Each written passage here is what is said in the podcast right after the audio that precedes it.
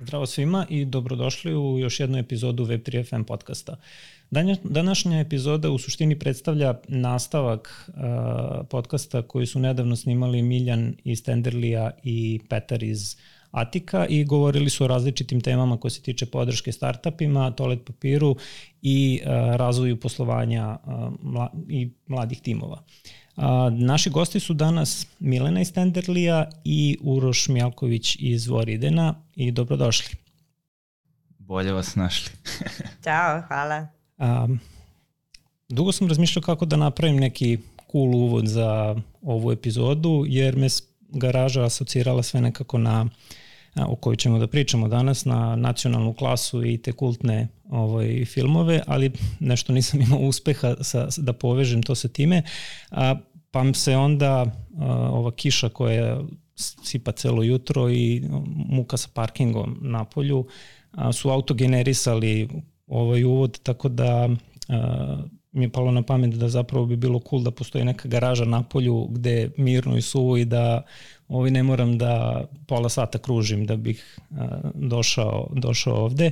I ko što rekao, garaža će biti jedna od glavnih tema danas, ali pre nego što stignemo do tog dela, za početak molim vas da se predstavite.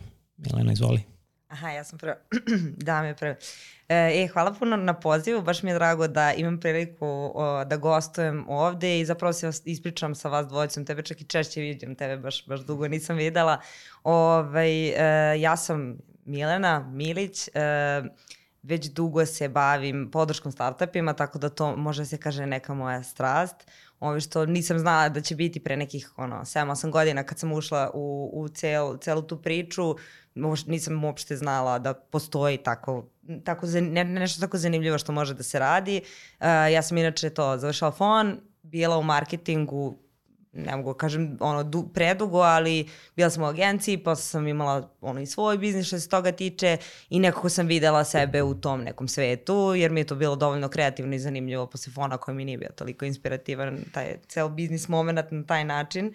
Ove, I onda sam, onda sam imala prilike da, da počnem da radim u CCP-u, koji je u suštini projekat koji se bavi razvojem startup ekosistema. U tom trenutku kad sam ja dobila tu ponudu, apsolutno mi nije bilo jasno o čemu se radi, ni zašto je to potrebno, ni kako to funkcioniše, ali nekako ovaj, sam imala jako, jako jako lepo mesto da to naučim i da zapravo upoznam ceo startup ekosistem kod nas, pošto i sam, samo i ta moja pozicija i taj projekat se zapravo bavio podrškom organizacijama i samim startupima i mi smo dovodili e, iz inostranstva uglavnom ono, startup foundere koji su zapravo možda nekoj pauzi ili su iz nekog razloga rešili da dođu neki malo manje razvijen ekosistem i da tu pomažu. Tako da sam imala prilike da upoznam jako cool ljudi iz inostranstva koji svašta nešto znaju i s druge strane da ovde upoznam ono baš, baš cool ljudi koji svašta nešto razvijaju i nekako sam shvatila kao to je to mesto za mene i, i jako me je to sve inspirisalo. Uh, između ostalog sam pokrenula i svoju organizaciju preduzimanje koja se bavila uh, ono, pravljanjem programa za ne samo startup foundere, nego i uopšte i male biznise i žene preduzetnice, zapravo ono, onoga što nedostaje u zajednici. Ako to, ono, mi smo imali priliku da mapiramo i da shvatimo da neke stvari fale, dok me nije Tenderly ukrao ovaj, sa svih tih pozicija i, i nekako dao mi vrlo, vrlo odrešene ruke da, da, da, da sednem i shvatim šta nama nedostaje trenutno, šta našim startupima treba i kako možemo da im pomognemo, tako da otud garaža koja u suštini do, tu da, da podrži sve vas ovaj, da, da vam pomogne. A samo na, kratko, na kojoj poziciji radiš trenutno? Ja sam program koordinator garaže u Tenderliju. Garaža u suštini eh, jedna zajednica foundera, znači ona nije, nije toliko opipljiva, nije kao hub, kao što je etik možda, ove, ali u suštini grupa ljudi koja, koja nešto pametno ima da kaže, koji, koji ima nešto pametno da kažu jedni drugima i uglavnom se sastoji iz raznih vrsta okupljanja, imamo razne vrste programa, neću sad da dužim, znam da ćemo imati posle vremena pričamo o tome, ali to je pre svega znači jedna zajednica koja je tu da pomogne startup founderima da budu, budu što bolji u tome i da im taj put bude što lakši. Uroše, pre nego što se predstaviš, ti imaš zapravo privilegiju da si prvi gost u, u ovom podcastu koji ja vodim, pošto do sada su bile sve gošće, tako da dobrodošao. Kakav gender inequality. Hvala. Kaži nam nešto o tvom karijernom putu, kako si krenuo, gde sada radiš, čime se sada najviše baviš? Pre svega hvala na pozivu i zadovoljstvo mi da budem sa ovako divnim ljudima na podcastu. Moj karijerni put, to je onako poprilično dinamično, čudno i haotično, ali smatram sebe, da kažem, startup uh, veteranom. Uh, ušao sam u startup svet neke 2015. godine kad sam bio na fonu. Umeđu vremenu sam je završio fon i master tamo. Uh, za neke stvari je fond bio inspirativan, za mnoge nije, ali je jednostavno to opet nešto što smo kao ajde kompletirali u, u, u celoj našoj karijeri, ali 2015. sam ušao u startup svet uh, tako što sam hteo da kreiram prvu karate igricu na svetu. Da. Moj background je zapravo karate, već 24 godine se bavim karate u nekom, ajde da kažem, profesionalnom nivou, u nekom sportu koji ne mogu da nazovem profesionalnom, jer jako teško se živi od tog sporta, ali sam tu na nekom evropskom i svetskom vrhu bio jako dugo sa, evo, sad je Joka Preković tu malo podigla neki, neku svest o karate u kojoj, eto, mi smo tu neki generacije koje smo zajedno radili, ali sam znao da jednostavno nisam vidio sebe da mogu da živim od karatea i uvek sam imao neku želju da, da krenem nešto svoje. Bukvalno mi je bilo svejedno, da li će to da bude pekara, da li će da bude nešto drugo. I onda sam bio u fazonu, ja, pa ja znam sve ljude iz tog nekog karate sveta, koji, s kojima sam se borio svuda po svetu i oni su bili, ajde da kažem, moji brand ambasadori koje, čije sam karaktere koristio za, za kao likove u, unutar igre. I sad, od 2015. pa, u, to je već 8 godina, se svašta nešto desilo, mi smo tu, okupio sam ekipu, ekipa se raspala jedno, dva, tri puta, Stefan i ja smo ostali, e, prošli smo svašta nešto, tako, zato se zovem veteranom, iako se sećam jako mlado. e, karat igre generalno jako dobro prošla, bez ono nekog marketinga smo imali preko milion skidanja, umeđu vremenu smo, pod, to je Miracle Dojo, osnovali smo, radili a ja to znam neku premium gamifikaciju za poznate ličnosti, radili smo za Željka Joksimovića, Branka Babića, FI Akademiju i tako dalje. I onda u nekom trenutku u razgovoru sa Stefanom i tu je bio moj jedan drugar koji ima onako jako uspešnu kompaniju, outsourcing kompaniju, mi smo sedeli kao je, tu se desio neki X Infinity, neke milijarde dolara nišćega, gde meni to nije imalo nikakve logike. Uh, opet smo bili smo desetak u timu tada i onda smo bili u fazonu, je, ok, ajde vidimo šta ćemo da radimo. Mm, I tako, eto, tako nastao Voriden Maltene. Zapravo to je drugi entitet jer nema veze sa Miracle Dojo. Miracle Dojo je još uvek aktivan, tako da mi tu imamo, ajde da kažem, neki service business model, ali, ali Voriden je trenutno naš primarni fokus i eto, to je neki background moj. A, znači, znači Miracle Dojo je uh, početak i praktično sada se bavi klasičnim gaming, pro, gaming produktom, odnosno uslugama, a Voriden je orijentisan na Web3. Pa da, da, ajde ovako, znači Miracle Dojo, mislim, cijela ta ideja oko mobilnih igara, razvoja mobilnih igara je tu, imamo iskreno know-how i ceo taj svet oko gamifikacije poznatih ličnosti je meni jako dobar use case ovde u Srbiji. Iz razloga što sam vidio kako to mogu da prodam negde preko. Ako sam ovde uspeo da živim ok i da imamo neku maržu, to kasnije možemo da radimo u inostranstvu, plus da uđemo u neke procente ako nađemo nekog, ne znam, nekog celebritija koji ima veliki audience, ima smisla raditi to.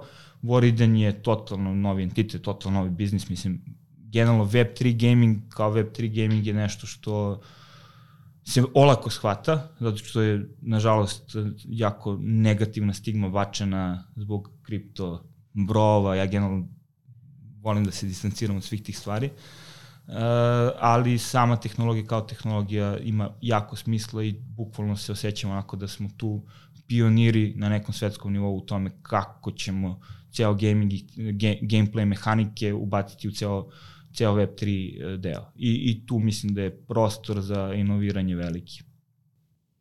A sa kojim ste se najviše problemima susretali u, u prilikom a, postavljanja Voridena kao kompanije i, i Pa slušaj, znaš kako, problema je bilo konstantno, iz razloga što meni to nije bilo jasno. Znaš, kao, e, brate, pusti tu neki token, sad ću to da skoči, je kakav token, mislim, šta je token, kako?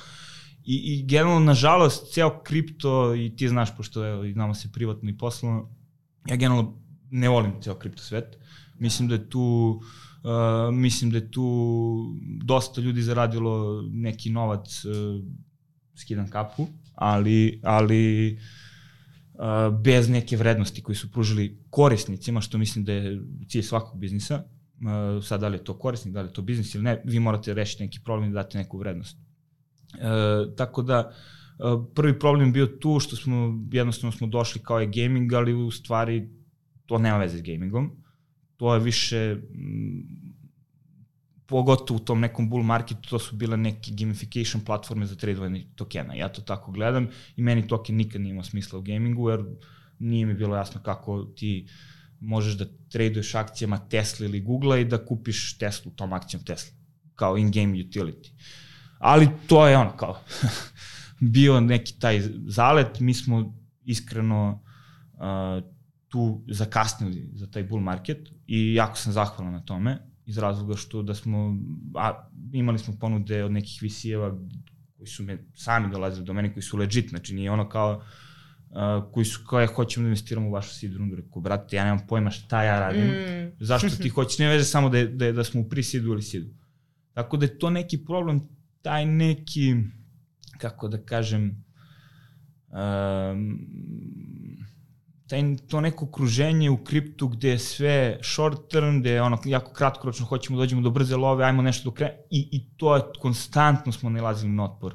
U timu, pogotovo Stefan, moj co-founder koji je onako jako temeljan, uh, temeljan momak i ja sam, ali on onako voli da to posloži da imamo smisla, da ima generalno smisla kako će to neko zapravo imati vrednost. Uh, tako da, da smo mi tu sva sreće izbegli taj neki talas, sve gaming kompanije koji su uh, podigli novac u, preko tokena su failovali ili će failovati. Stefan je CTO Voriden, je li tako? CTO, da. Pozdravljamo Stefana. Pozdrav Stefana, da. A, Milena, koliko ti ovo zvuči poznato, pošto imaš dosta iskustva u radu sa startupima, ovaj, kao što si malo pre pomenula, jel se sa istim stvarima susreću i drugi timovi, bez obzira da li su Web3 ili nisu? Pa, da, mislim u suštini jako je, mislim da je AI bubble sad sličan tom Web3 bubble koji je, koji je bio aktuelan neko, mislim ne mogu kažem duže vreme, koji je bio aktuelan neko vreme. Ove, tako da to jeste, mislim, i jako je veliki izazov da se shvati to što ste vi shvatili, jer kada, kada ti neko, mislim, kada neko bombarduje parama što se dešava u trenutku kad je neki bubble u pitanju, jako je teško uopšte, dobro, dobro je razumeti gde se nalaziš i kad treba da se kaže ne, jer jako je teško reći ne parama, mislim, to je potpuno jasno. I to, su, to je nešto što sam ja, na primjer, na, na svom prethodnom poslu imala prilike da, da vidim u nekim drugim ekosistemima, pošto je taj projekat bio regionalan, tako sam imala prilike da upoznam i manje razvijene ekosisteme na Balkanu i neke i razvijenije.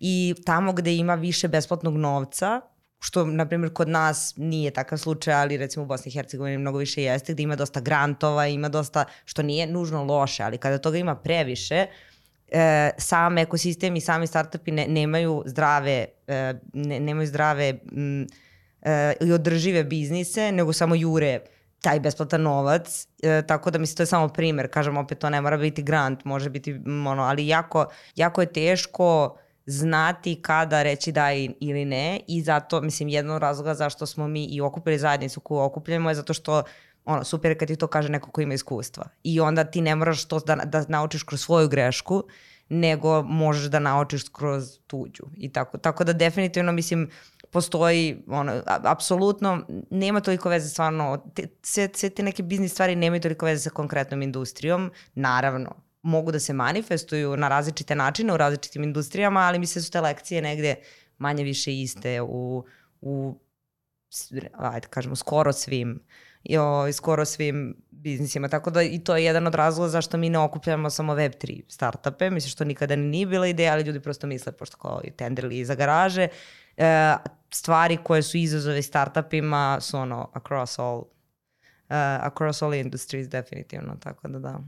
Uroše, pošto sad pravnik u meni ne miruje, reci mi koji su to ovaj pravni problemi i izazovi bili sa kojima ste se suočavali tokom podizanja rundi, formiranja tima, osnivanja kompanije, Da li poslujete to je, samo u Srbiji? To je, to je dobro pitanje. Uh, iskreno ti kažem, još uvijek nemam odgovor. uh,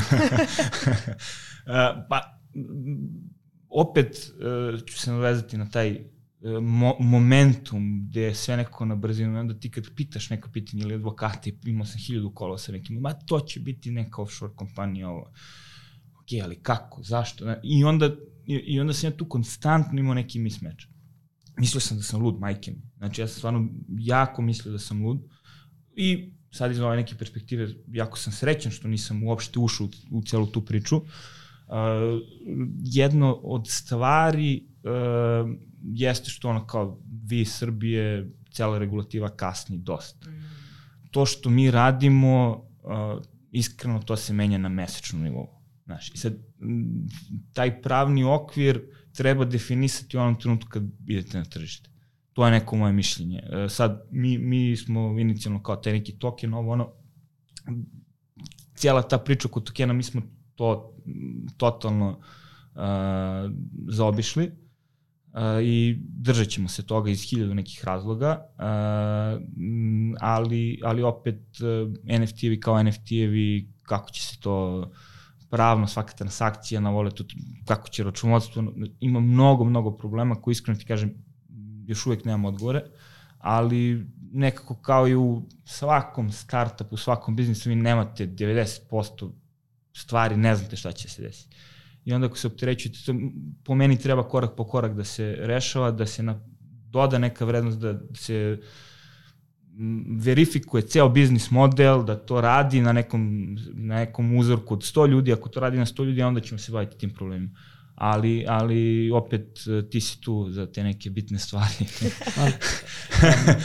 u prethodnim epizodama su um, govorili Emilija i Aljoša ovaj, kod Anđele o tim pravnim stvarima i sad ono što se meni postavilo pitanje ovaj, za, za razmišljanje da li treba da ide prvo regulativa pa onda user experience ili ta, ta korisnička strana. Negde sam više na, na strani, ne zato što sam pravnik, da treba prvo da imaš nešto što ljudi hoće da koriste, a onda ćeš da ga uklopiš u postojeći ili u novi pravni okvir. Ne znam, Milena, šta, šta ti misliš o, o toj strani, kako ti se čini? Meni je to malo delovalo ono koka jaje. Ovaj A... dilema, ali negde naginjem više na tome da je UX za početak Pa to da, to da li je forma ili je sadržaj. Tako, ta, to, mi, ta, to mi je ta vrsta pitanja. Mislim, o, mi smo nekako kroz, kroz neke aktivnosti koje smo imali bukvalno dolazili do toga da shvatamo da kao neke jako je bitno da, i, da znaš šta slučajno ne smeš da uradiš u različitoj fazi građanja startapa. Mm I mislim da je to ono, mislim mi, mi, ćemo, mi se baš trudimo da skrenemo pažnju na te stvari i da prosto e, negde kažemo, i to opet kažem, kroz, kroz, uglavnom kroz iskustva drugih, ali opet prvo pravo je ono, jeli nauka za sebe potpuna i, i neko ko je founder startupa, što ti sigurno možda potvrđiš, kada bi se samo time bavio, on ne bi mogao da gradi svoj biznis. Tako da mislim da treba da postoji, ono što ja mislim da i kod nas nedostaje, ne samo da ne pravni okvir kasni, što znamo ili sve to, nego nije dovoljno jasno. Mnogo stvari nije jasno i nije, nije, nije dobro predstavljeno čak i nešto što kao može da bude pomoć nekome ko gradi biznis, ljudi ne znaju. Ili nešto što bi možda trebalo, da, što deluje kao ispomoć, može da bude kao neke ola, pravne olak,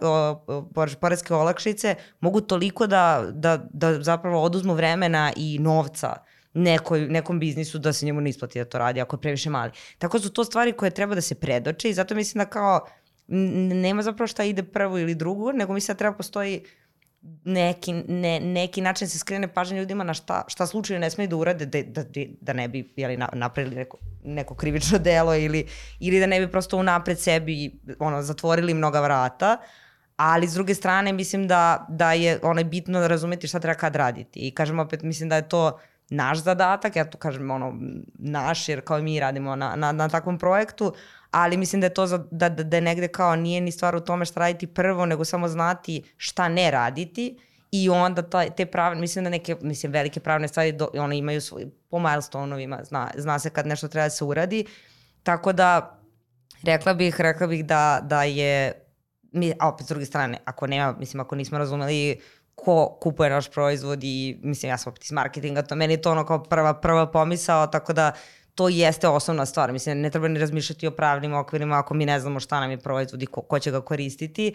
Tako da definitivno mislim da treba da se dešava simultano, možda bih dala prednost malo više tom biznis delu, pošto prosto bez toga ni nema.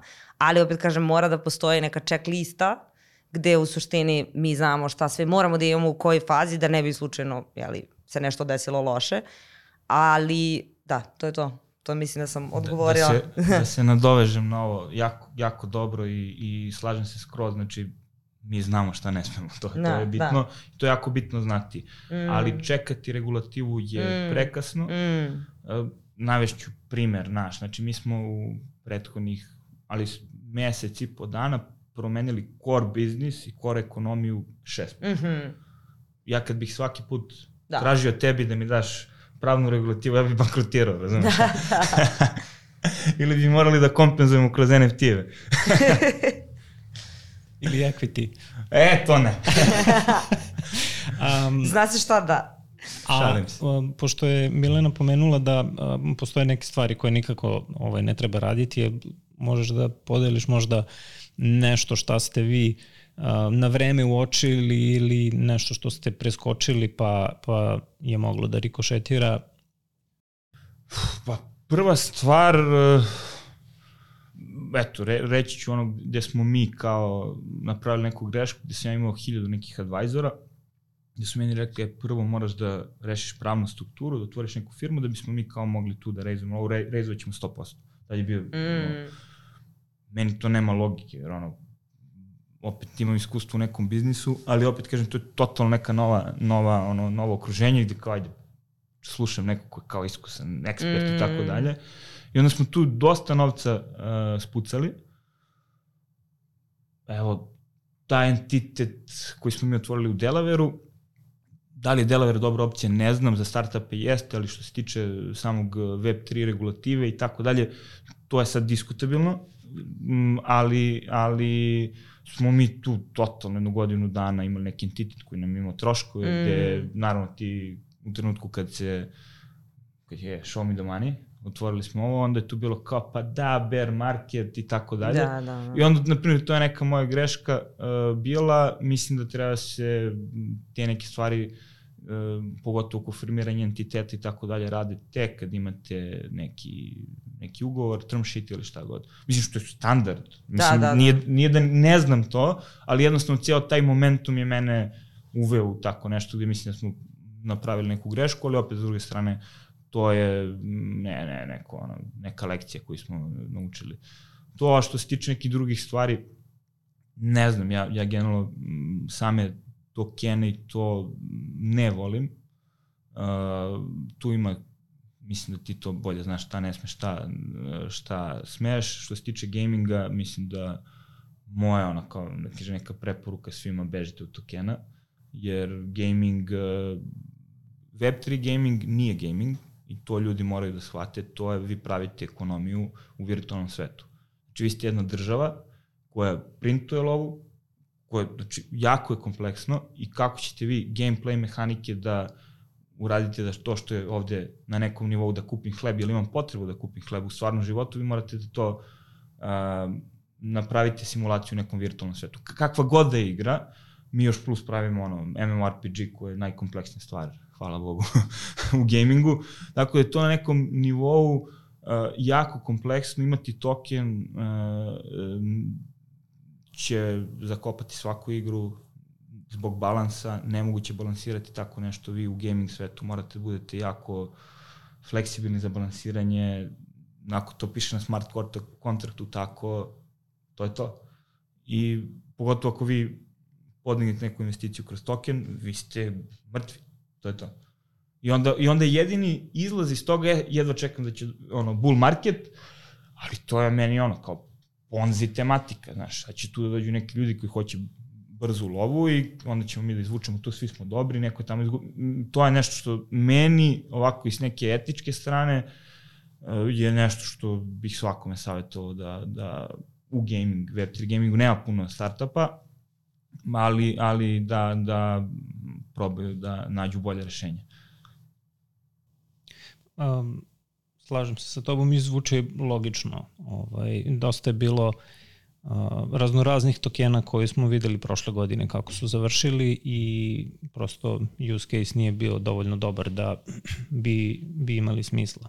A što se tiče regulative, nastojaćemo da makar kao deo policy laba ovaj, superklasteru, da to nam je jedna od bitnih stvari, da popravimo uh, to regulatorno okruženje, jer čini mi se da uh, znamo gde granica kada piše, ali mnogo stvari u Web3-u je nejasno da li zapravo može ili ne može ili do koje granice treba, uh, treba ići. A državni organi su često spori da odgovore na ta pitanja u onom trenutku kad tebi najviše znači. Jer kad ti pošalju odgovor, ne znam, za tri nedelje, mesec dana, ima i više, ovaj, tebi onda prosto to više nije u tom trenutku bitno.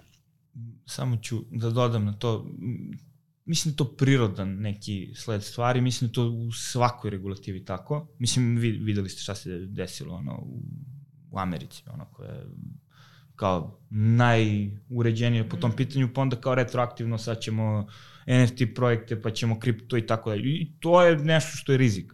Ali opet e, mislim da sa te strane treba postoji neko razumevanje namere tog nekog šta je hteo. Ako sam ja hteo da pravim nešto gde je očigledno ponzi samo preko kripta, ok, treba da imam apsolutno da trpim sve posledice toga, ali ako sam ja zapravo hteo nešto da radim, e, ajde da vi razumete to što mi radimo. E sad, da li je, uh, da li je moguće razumeti to na nekom nivou ko nije niti tehničko lice, niti to je sad neka mm. pitanje koje i opet je to neki vaš zadatak da vi to prezentujete. pa da.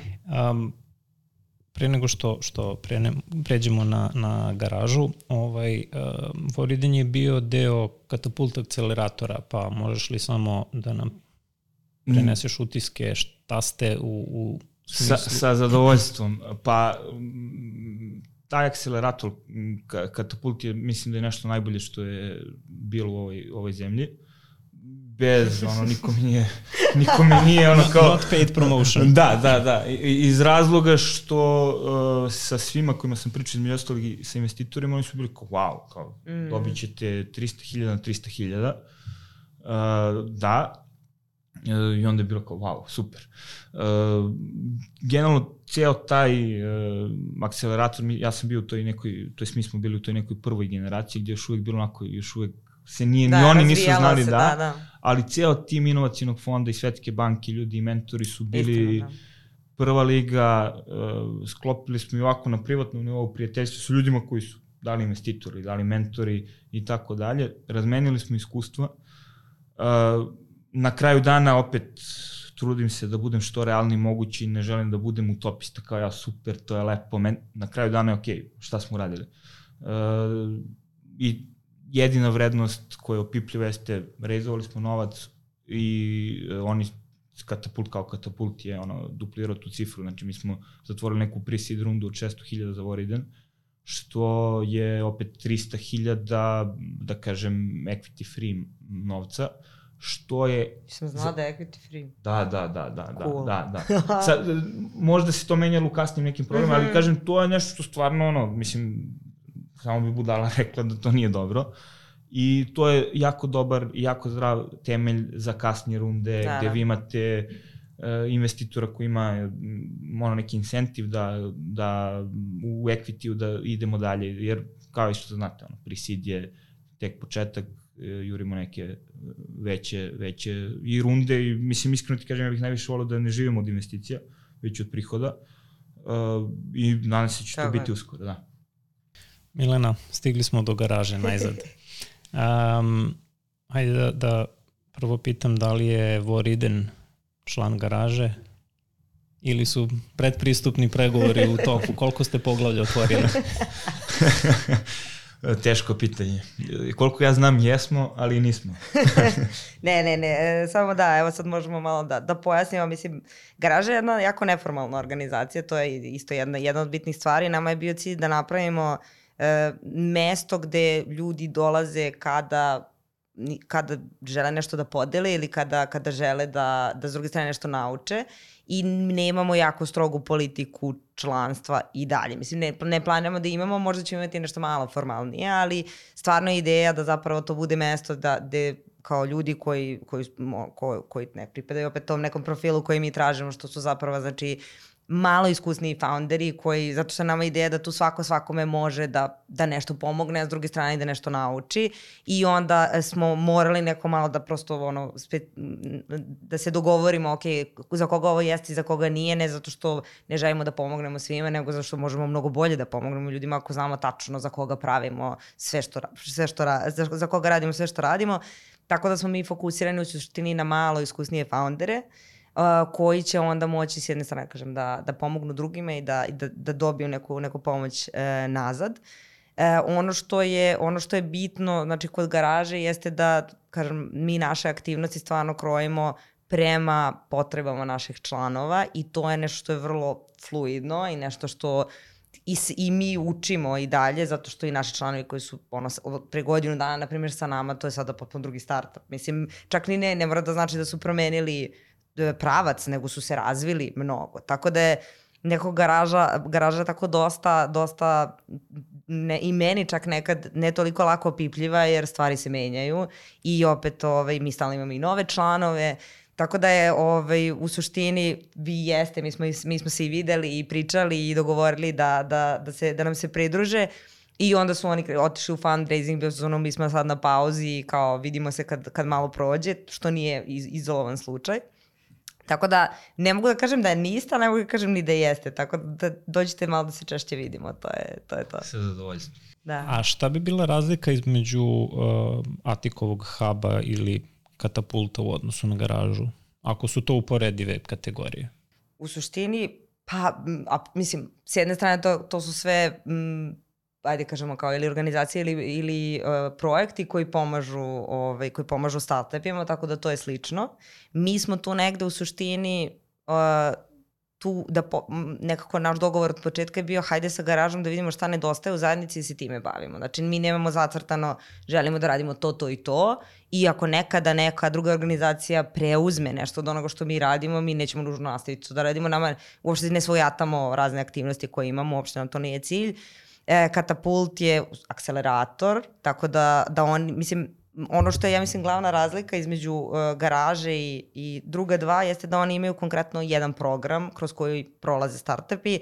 Etik je inkubacija, uh, katapult je akceleracija, ali kažem opet to ima početak i kraj negde. Garaža je, ima set aktivnosti i programa koji se tu dešavaju, ali nije prvo namenjene, ajde da kažemo, možda malo užem krugu ljudi, e, Etik se tu fokusira na nekako ranije faze startupa, Katapult, mislim da nam je tu ciljna grupa isti, dosta ljudi iz Katapulta je u garaži, nekako čak je Katapult, pošto je bio prvi kada smo mi nastajali, dosta ljudi iz katapulta je samo došlo u garažu. Ali mi smo, opet kažemo, ono, mi smo mesto susrete, mi smo zajednica, katapult je program gde se dobija konkretna podrška, dobija se i novac, Uh, u etiku opet ovaj, se osnivaju kompanije, tako da, kažem, mi smo tu između zato što je to i bilo mesto koje nije bilo popunjeno. E, tako da mi imamo programe, ali nemamo jedan program kao što su ova dva. To je glavna razlika. Ja sam ovde zapisao par stvari. Ovaj, um, kada je osnovana garaža? Koja je forma? Je li to neko posebno pravno lice ili deluje u okviru tenderlija ili je nešto treće? Da, i dalje nije, pošto nismo imali razloga ovaj, da, ga, da ga pretvorimo u konkretnu organizaciju, verovatno će biti udrženje. Kada, kada ga budemo pretvorili u, u nešto, opet kažem, mi smo dosta to uh, sadržaj pre forme, tako smo shvatili u trenutku kad smo pokretali garažu. U suštini garaža je krenula tako što sam ja krenula da radim u Tenderliju na projektu garaža. Ove, ovaj, ali mi se naravno ta ideja je nastala i pre mene, ove, ovaj, Miljan je o tome pričao u prethodnom podcastu, nekako i cela ta priča oko nastavka garaže meni jako bila inspirativna i to je bio razlog zašto sam ja rešila da promenim posao koji je meni bio fenomenalan i u kome sam jako uživala, tako da nije bilo teško iščupati me odatle, oni to znaju. Ove, ali je, mislim, prvo, ja nisam toliko bila upoznata sa uopšte Web3 svetom i nisam znala koliko je vrednostno potkovan i koliko je tu i ta transparentnost i, i uopšte zajednica, Web3 zajednica u Srbiji je jedna od razvijenih zajednica uopšte na, na našim prostorima, koja je jako lepo povezana i neko jako dobar primer tog, toga što garaža isto želi da postigne, a to je da, da ljudi pomažu jedni drugima jako puno. Ovo, pošto svi znamo da u, web, u našem web 3 su svi, svima bili šefovi i zaposleni u nekom trenutku. Ove, tako da je garaža nastala u suštini iz ono želje Tenderly foundera da prosto to nešto što je postojalo u web 3 ta vrsta podrške može, nekako se prenesi na ostatak zajednice, jer o, neke stvari koje su oni prošli nisu, nisu bile relevantne samo ono, ljudima u Web3-u, nego svima. I negde je meni tu, kad, kad sam ja sela sa njima i oni su mi ispričali neku svoju, neko svoje viđenje garaže, ja sam bila ono, aha, ok, kao došli smo konačno do toga ovaj, da, da, da zapravo i od startupa kreću promene. Jer ako, mislim, to, to i ti dobro znaš, većina projekata, većina organizacija koja se nalazi u, u našem ekosistemu i uopšte na Balkanu nisu privatne, nego su to ili državne ili donatorske organizacije koje u suštini, mislim, imaju super nameru, ali prava promena i to kao po Bredfeldu, prava promena u startup ekosistemu, odnosno kao, kao određeni nivo rasta se doseže tek kad su founderi ti koji su katalizatori toga.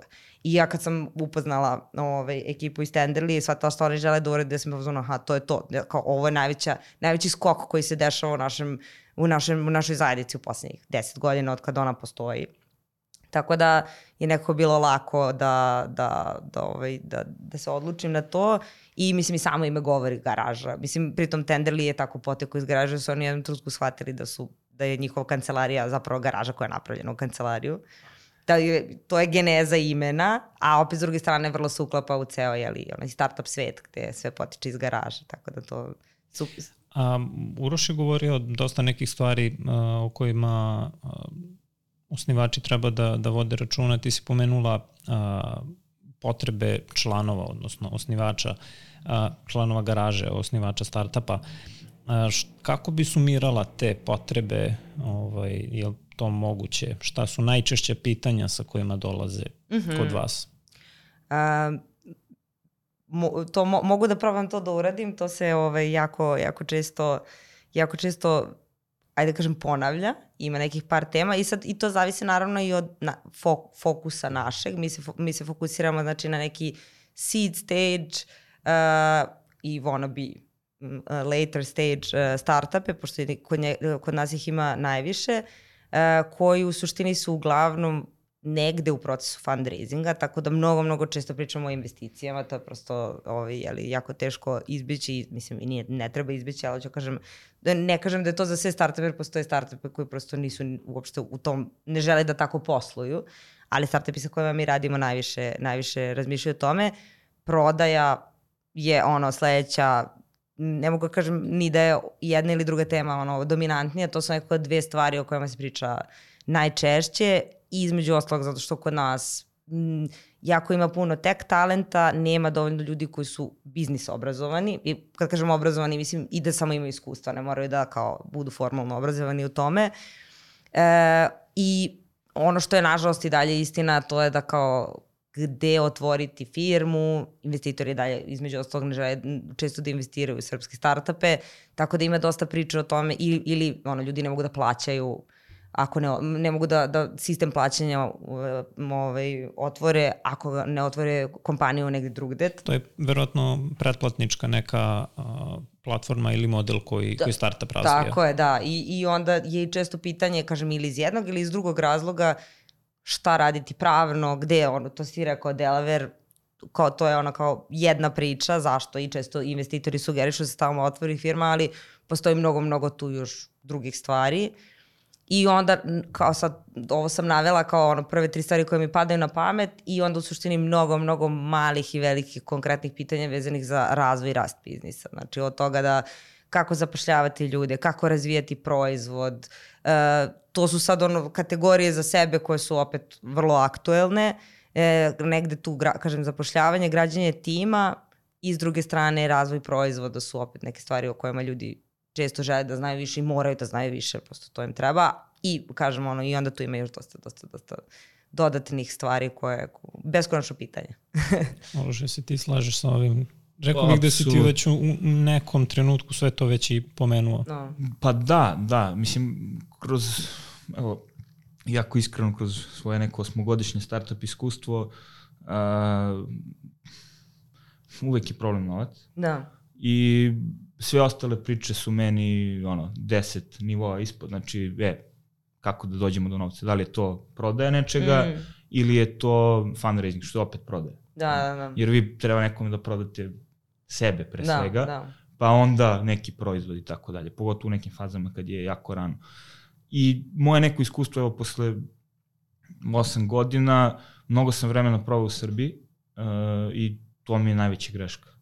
Iskreno, zato što Srbija je jako lepa za razvoj uh, produkta, ali što se tiče biznisa, mi smo ono, u hendikepu velikom u odnosu na sve ostale. Nemamo network, uh, jako malo finansijske pismenosti imamo, mi fan poći od sebe, znači ja, mi smo finansijski nepismeni i morate da budete negde preko.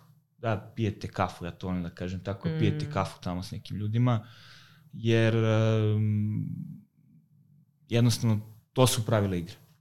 Može da se desi da, da imate stvarno neki proizvod, imamo primjera iz Srbije gde počeo, eto, Nordeus koji je napravio, mislim da je čak i najveći exit u Srbiji, uh, oni su bili na pravo vreme u pravo mesto sa pravim proizvodom, ali oslanjati se samo na to kao founder, mislim da je prevelik rizik, uh, jer šta ako ne bude baš odmah tako? Mm. Ko je plan B?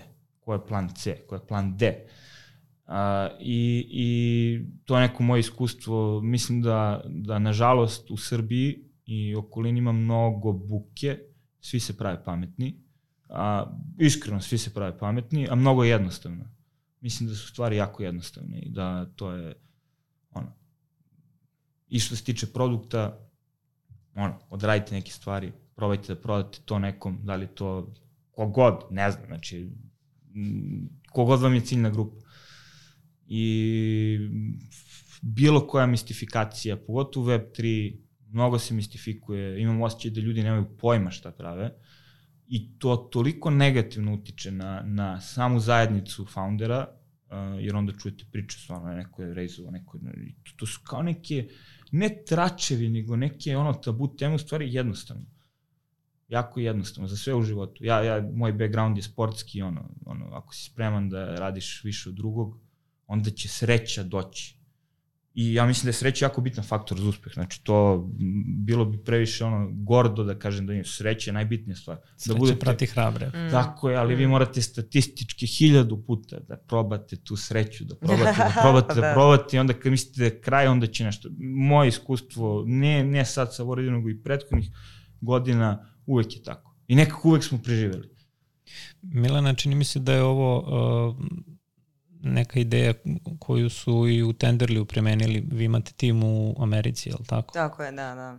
Ovo, imamo tim u Americi, sad već imamo i, i van Amerike ne, neke ljude, ali prosto za neke stvari i za naše potrebe, to ne, ne znači za svaki biznis, ali za mnogo biznisa odavde nije, nema dovoljno obrazo, da kažemo obrazovnih ljudi koji znaju da rade te neke poslove koji su ono, vezani za, bi, za razvoj biznisa i mi smo tražili, na primjer, ono, sales team u Americi, mislim, čak, čak i, ono, i posebno specifično zbog onoga što, što i mi prodajemo, ali s druge strane nije bilo moguće naći ovde osobu koja to zapravo radi radi na način koji je nama potreban, tako da mi imamo veliki nedostatak ti, talenata tog tipa i to je jedan od razloga to što ti kažeš kao zašto, zašto founderi moraju da ne bude u Srbiji, zato što i dalje nemamo kritičnu masu ljudi sa kojima bi to moglo da se radi, opet naravno što je više startapa, to će više biti ljudi koji imaju neko iskustvo koje će moći da prenesu i da zapravo, ovaj, jeli onda možemo da imamo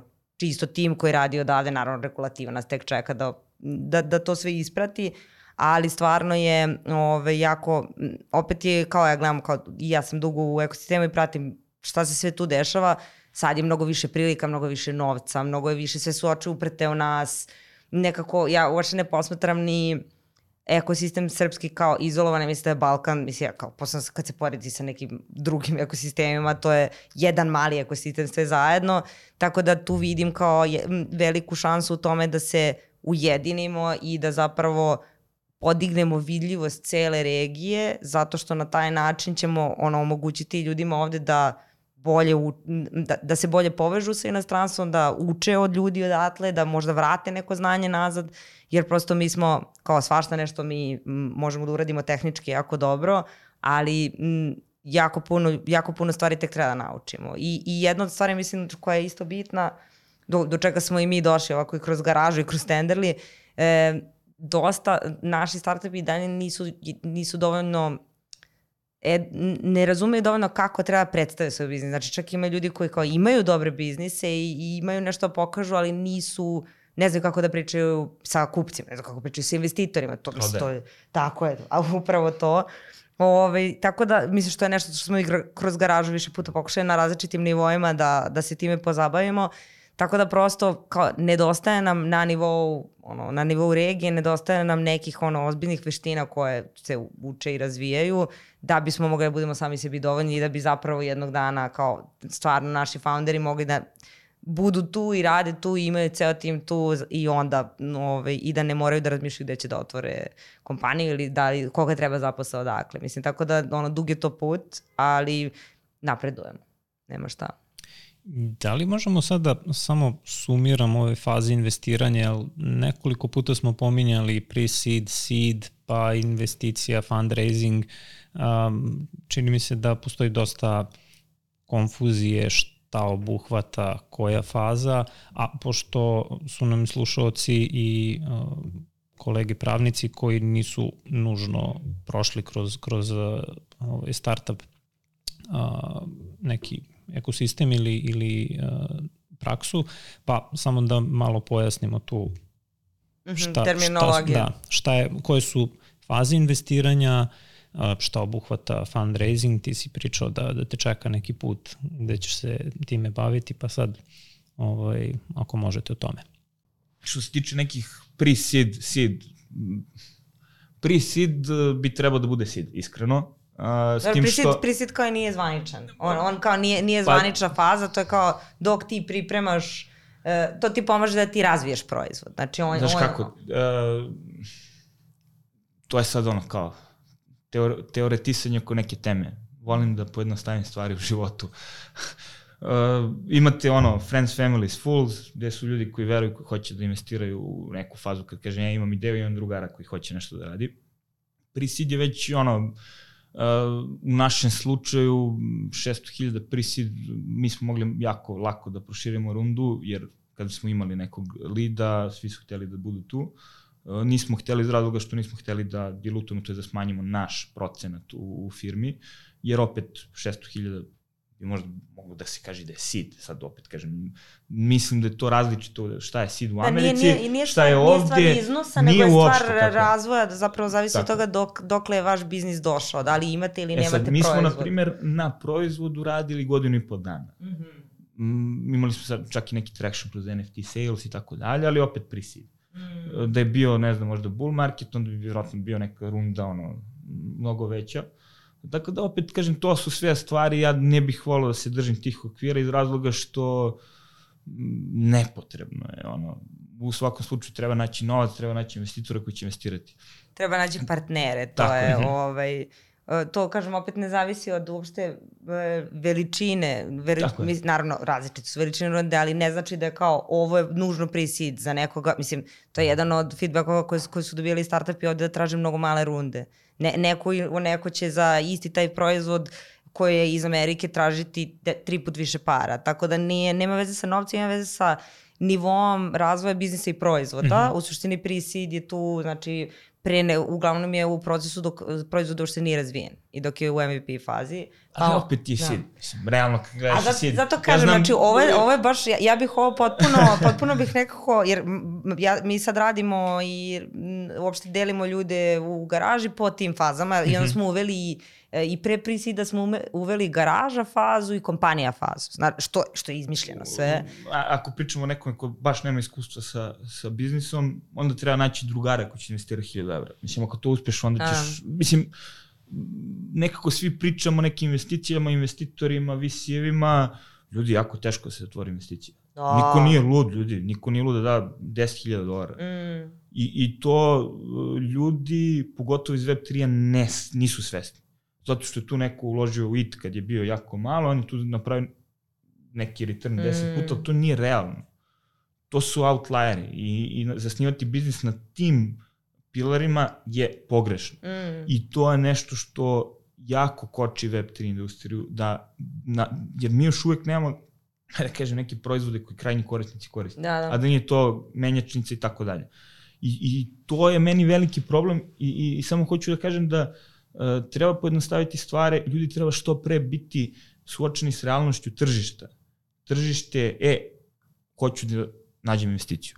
Mm. I to može da se desi sutra, može da se desi preko sutra, ali moraš da kreneš u to. I moraš da pričaš, da vidiš e, ko su investitori. Na lokalu nema puno pravih angel investitora. Da, dobro, i to se A sada... ako radite... To, mislim, je, i- bukvalno se tek gradi, ta, to, to, to je neka, nešto što nastaje i to je kao što i sve ostalo što se gradi, proces koji traje. Ljudi ovde e, o- koji, koji imaju novca, ja, ja sam dugo i ranije znala za anđele koji, mislim, kao koji su undercover i ne žele da niko zna. Tako je. To je bila faza u kojoj se na, naš, naša zajednica nalazila. Sad su ljudi malo spremniji da budu javni i onda kada ti vidiš da neko investira, možda i koga ti poznaš, ti uzmano, aha, okej, sad bih i ja. Tako da je to Tako je. novi mindset koji se stvara kod ljudi kod nas, ali opet to je za neke manje runde. Ti kada hoćeš nešto, opet kažem, e, jako bitno u svemu tome između ostalog shvatiti kao ni, ni, investicija ne mora da se diže. Znači to je Ako, ako vi možete... Poželjno. Ne, to, ako, ako, zašto se diže investicija? Ako vi ne možete da samostalno razvijete taj proizvod i ne, prosto ono, ne može tom brzinom da vam neko plati i da vi onda nastavite od toga radite, to se radi zbog toga. Ako, ako vi možete da zara, od, svoje, od svog profita zapravo gradite firmu i izaberete da nemate investiciju, vi ćete onda imati ono, z- za uvek samo svoju kompaniju, nećete morati da delite ni sa kim sve to. Tako da to je ono, i, i to što ti kažeš kao te sve forme nisu toliko bitne, bitno je naći partnere za svoj biznis. I to, to je ono što sam ja slušala još i ranije dosta, kako investitori koji su dolazili ovde s kojima sam ja imala prilike da se srećem ranije, koji su, koji su objašnjavali kao državi predavanja startupima, vi isto tako birate investitore kao što oni biraju vas. Znači, mi treba budemo partneri i treba da radimo zajedno. To što ja vama donosim Izvini. novac, no. Ja se ne slažem s tim uopšte. ne? Uh, da, to je u utopističkom svetu. Mm. Koji startup u Srbiji je birao partnere? Ajde. Ne, ne, ne, ne. Znači, mo- možda jedan. Da, znaš, sad, to su te priče gde dođe investitor, je sad mnogo pametan, mi smo Mm. super cool, dođite svi kod mene, a mi smo mnogo lepi. Da, nema da... Ne, ne, ne, ne. I, I to su stvari koje mene jako ono, Mm. mm. nerviraju me zato što nisu realne. I Ne. svi ti VC-evi su jako super i svi, svi hoće da pričaju, svi su, ej ljudi, to, to, to, to i to. E sad, ono što je problem, izvini što se te Da, prekinuo, nema problem problema, u ne. srpskom ekosistemu jeste što imamo m, ne u negativnom smislu, Mm. mm. ograničenu percepciju vrednosti. Mm -hmm. E, ja imam uh, B2B neki proizvod, ovu čašu sam prodao njemu i ja imam tu maržu, ja ako prodam to na hiljadu ljudi imam, imaću neku matematiku. I to je super. Ali tako se redko šta inovira. Mhm. Uh, trilateral. Oni su čoveče 10 godina razvijali MetaHuman, pre celog Metaverse. Ja ne, ne znam priču, ne znam ni ljude, ono, pričao sam sa nekim ljudima, ta ne znam ko foundere, ali ti treba da imaš petlju, ozbiljno, da veruješ u to nešto kad mm. svi Mm. misle da si lud. Da, da, da, da. Uh, i, A to je kad i- neka vi, visoka inovacija u pitanju, a to je. su startupi, a, a da. Na, ovde ekosistem nije spreman za to. Mm. Ja kad sam pričao, ne kažem da smo mi, nadam se da ćemo biti Mm. mm. trilateral, i verujem iskreno, Mm. uh, je, Stefan kaže pravimo engine. Da, jesi normalan, jesi ovo, jesi ovo, jesi ovo. Mi ne koristimo ni Unity ni Unreal, znači mi imamo svoju tehnologiju. Mm. Mi uh, wallet smo napravili svoj wallet. Znači mi imamo bukvalno proizvod koji možemo da prodajemo iz razloga što kao je, neću da se izrazim, loše i kao reši problem. Mm. I, I sad lokalni ekosistem to ne razume. Da ti treba da investiraš u ljude i da ti ljudi treba da nađu način kako da to plasiraju na globalno tržište. Jer A. tu ćeš imati return.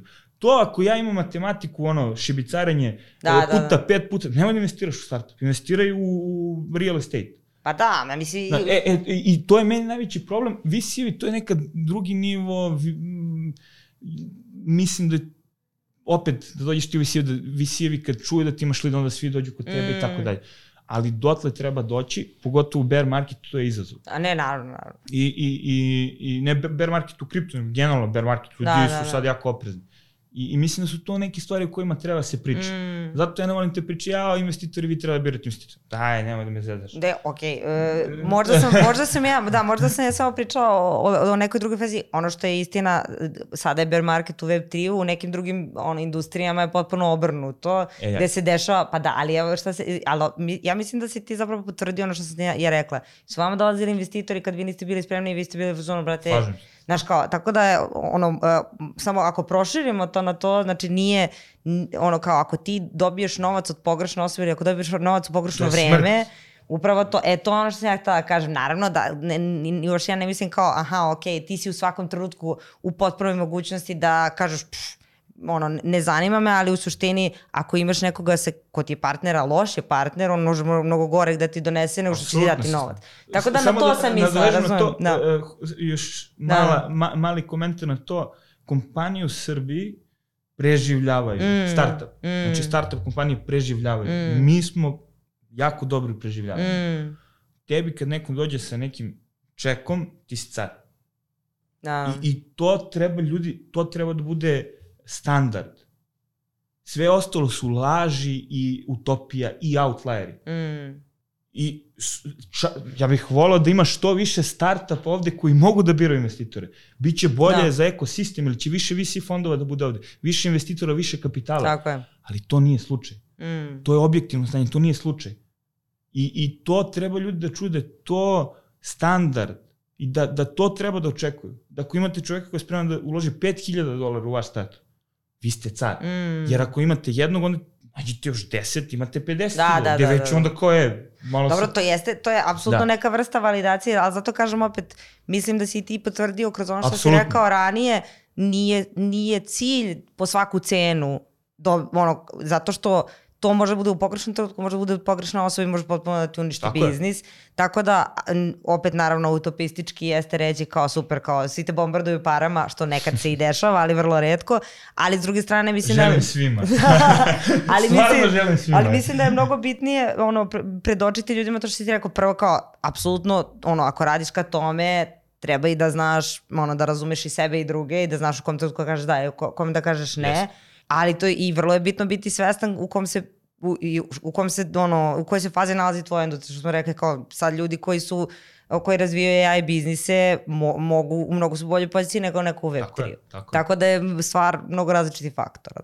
Dosta živa rasprava, ovo je, ovo je nije, nije rasprava. Ne, samo, baš smo, ja baš- mislim, ja pa se... diskusija. Da, Da, ali da, smo da. na istoj strani, Jeste, samo sam ja jeste. morao da kažem, e, Ne, pazi, možda sam... tako. Ne, ne, ja, ja se slažem, mislim, ja opet prenosim, možda sam ja čula, jer, je- znaš zašto ja mislim da je to bilo cool kad, kad su ljudi to čuli? Jer ti u trenutku kad si u toj fazi da kao preživljavaš, nekad ćeš da kažeš daj nečemu što je, može bude baš loše za tebe. slažem se, ali opet, ako ćeš umreti bez tih para, opet je bolje nego da umreš. Mislim, Da, da, da, slažemo se. mislim, ja sam prošao kroz te cikluse hiljadu puta, nije hiljadu, ali jedno četiri, pet puta i, i onda sam onako jako realan i jako pesimističan, a opet paradoksalno gajim neverovatan optimizam uh, ka i zajednici, ka proizvodima koji gradimo i pre svega verujem u sebe ono, mnogo. I, i ja sam shvatio na kraju dana opet uh, sve zavisi od foundera.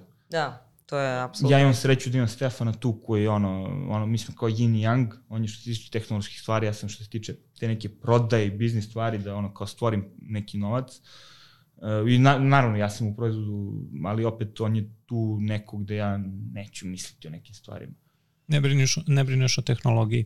A, pošto privodimo polako kraju, a, ostaje nam samo još Milena da nam kažeš kakav je ovaj dalje razvojni put garaže i šta se ovaj letos skuvalo u, u, u garaži. Mm -hmm. Pa da, mi u suštini nismo mnogo pričali o aktivnostima garaža, neko smo ovaj, dosta, dosta nekih drugih stvari pričali. Znači, kao što sam rekla, garaža je zajednica, ali mi imamo različite programe i aktivnosti koje se onda bave jeli, o, ljudima u zajednici. Neke, imamo neke interne aktivnosti koje su namenjene samo članovima, imamo neke eksterne aktivnosti koje su namenjene cijeloj zajednici. I tako smo jeli, podelili da bi nekako vraćali, vraćali i, i šire, a opet se dosta, dosta i fokusirali na naše članove. Imamo razne vrste meetupa, od kojih recimo je jedna, jedan od najuspešnijih war story War Stories Meetup uh, koncept gde u suštini ono, startupi dele svoje konkretno iskustvo na neku konkretnu temu, ono, potpuno no bullshit priča i kao neka, kao neka malo manje dramatična verzija fuck up nighta, znači ne pričamo samo o failovima, nego prosto damo, damo priliku ono, osobi ili osobama koje su, koje su prošle neku konkretnu, ovaj, neku, neku konkretnu nedaću ili neki veliki uspeh da podele šta se tu dešava i onda se svi uključuju, to je više kao neki round table moment. Uh, Tako da imamo takve vrste, imamo te, da, da kažemo, ove, ove tematske događaje e, na različitim nivoima, a s druge strane imamo neka ono, druženja, okupljanja i slično. Imali smo mentorski program koji se sad pretvorio u peer-to-peer program, sa to ono nešto, nešto najbitnije što možda nisam naglasila, znači e, u garaži je jako veliki i naj, zapravo jedini bitan fokus tu je e, razmena znanja između foundera i ve, većina, velika većina naših aktivnosti se fokusira baš na to ovaj, da, da ljudi prosto imaju na različitim nivoima, da li je to jedan na jedan u maloj grupi ili u većoj grupi različitim nivoima imaju prilike da dele znanje jedni sa drugima i mi tu facilitujemo. Taj proces, nije nam možda cilj da budemo u centru, ovaj, tako da imamo, kažemo, opet te neke, neke malo formalnije aktivnosti, imamo ta neka druženja, sad smo negde u procesu kreiranja programa koji će da ostave nešto za sobom. Do sad nam je dosta fokus bio na tom građenju odnosa između ljudi koji će se naravno nastaviti, ali sad već negde imamo i materijala i i neke druge stvari su sad se nekako postavile, pa možemo da idemo dalje, e, da, da, da radimo neke stvari koje će ostati celoj zajednici koje su malo opipljivije, tako da jedna, jedna od najbitnijih stvari na koje trenutno radimo je projekat razvoja open source dokumentacije gde je, ti si naš uh, partner. Ove, u suštini smo odlučili da, odlučili da popišemo neku listu od nekih 15 dokumenta koji su naj, najbitniji u saradnji sa ono, advokatima i sa startupima koji su članovi garaže. Smo seli i iskristalisali, aha, ok, šta je šta je startupima sa kojima mi radimo s druge strane uopšte u startupima u zajednici, šta je to što će im možda biti potrebno u tom ono razvojnom putu što je skupo, do čega je teško doći što su ono razne vrste ugovora i dokumenta. Napravili smo neku listu, počeli smo da razvijamo tu dokumentaciju i zapravo smo završili taj prvi paket ove, gde ti možeš malo da podeliš uh, više o tome, pošto si ti na tome radio.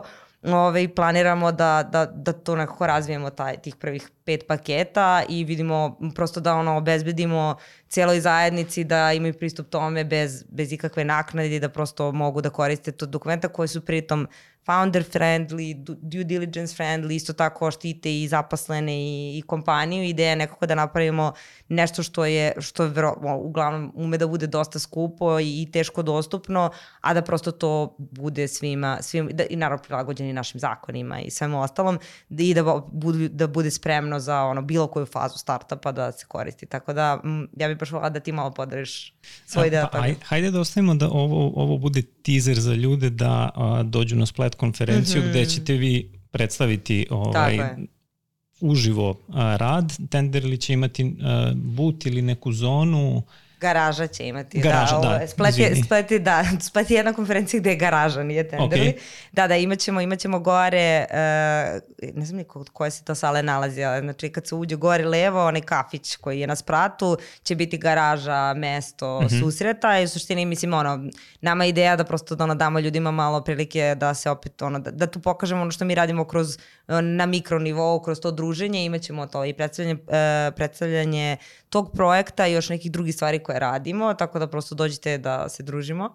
Ove, tako da ono, mislim da, da dobro to što ti kažeš da onda ostavimo to kao teaser, da, da, se, da, da ljudi dođu i da vide o čemu se sve tu radi.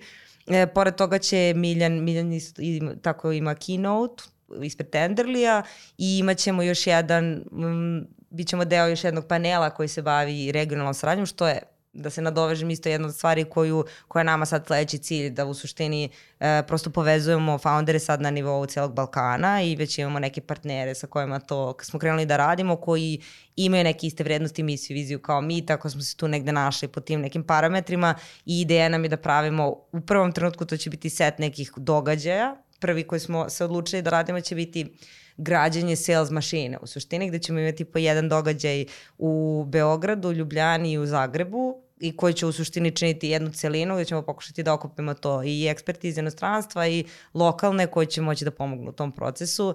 Tako da, tako da eto, to je isto nešto što, što će biti na spletu, a s druge strane će biti neka najava, neke naše ono, veće saradnje gde je cilj da zapravo, kažemo, ono, uvežemo taj Balkan, da, da prosto budemo jači svi zajedno. A, super, a, onda pozivamo ljude da dođu na splet i da saznaju više o tome šta garaža nudi i šta je spremila do sada. Um, hvala mnogo što ste došli. Bio je jako zanimljiv podcast, baš kao što je i startup život dinamičan. Um, nadam se da smo pokrili do, dosta tema i da smo sve o čemu smo ovaj, pričali dovoljno jasno objasnili i hvala vam što ste podelili svoje iskustva iz prakse ovaj, i stvari sa kojima ste se susretali, način na koji ste rešavali probleme. Um, dragi gledalci, uh, hvala što ste pratili još jednu epizodu Web3FM podcasta. Zapratite stranicu i do sledećeg slušanja i gledanja. Pozdrav!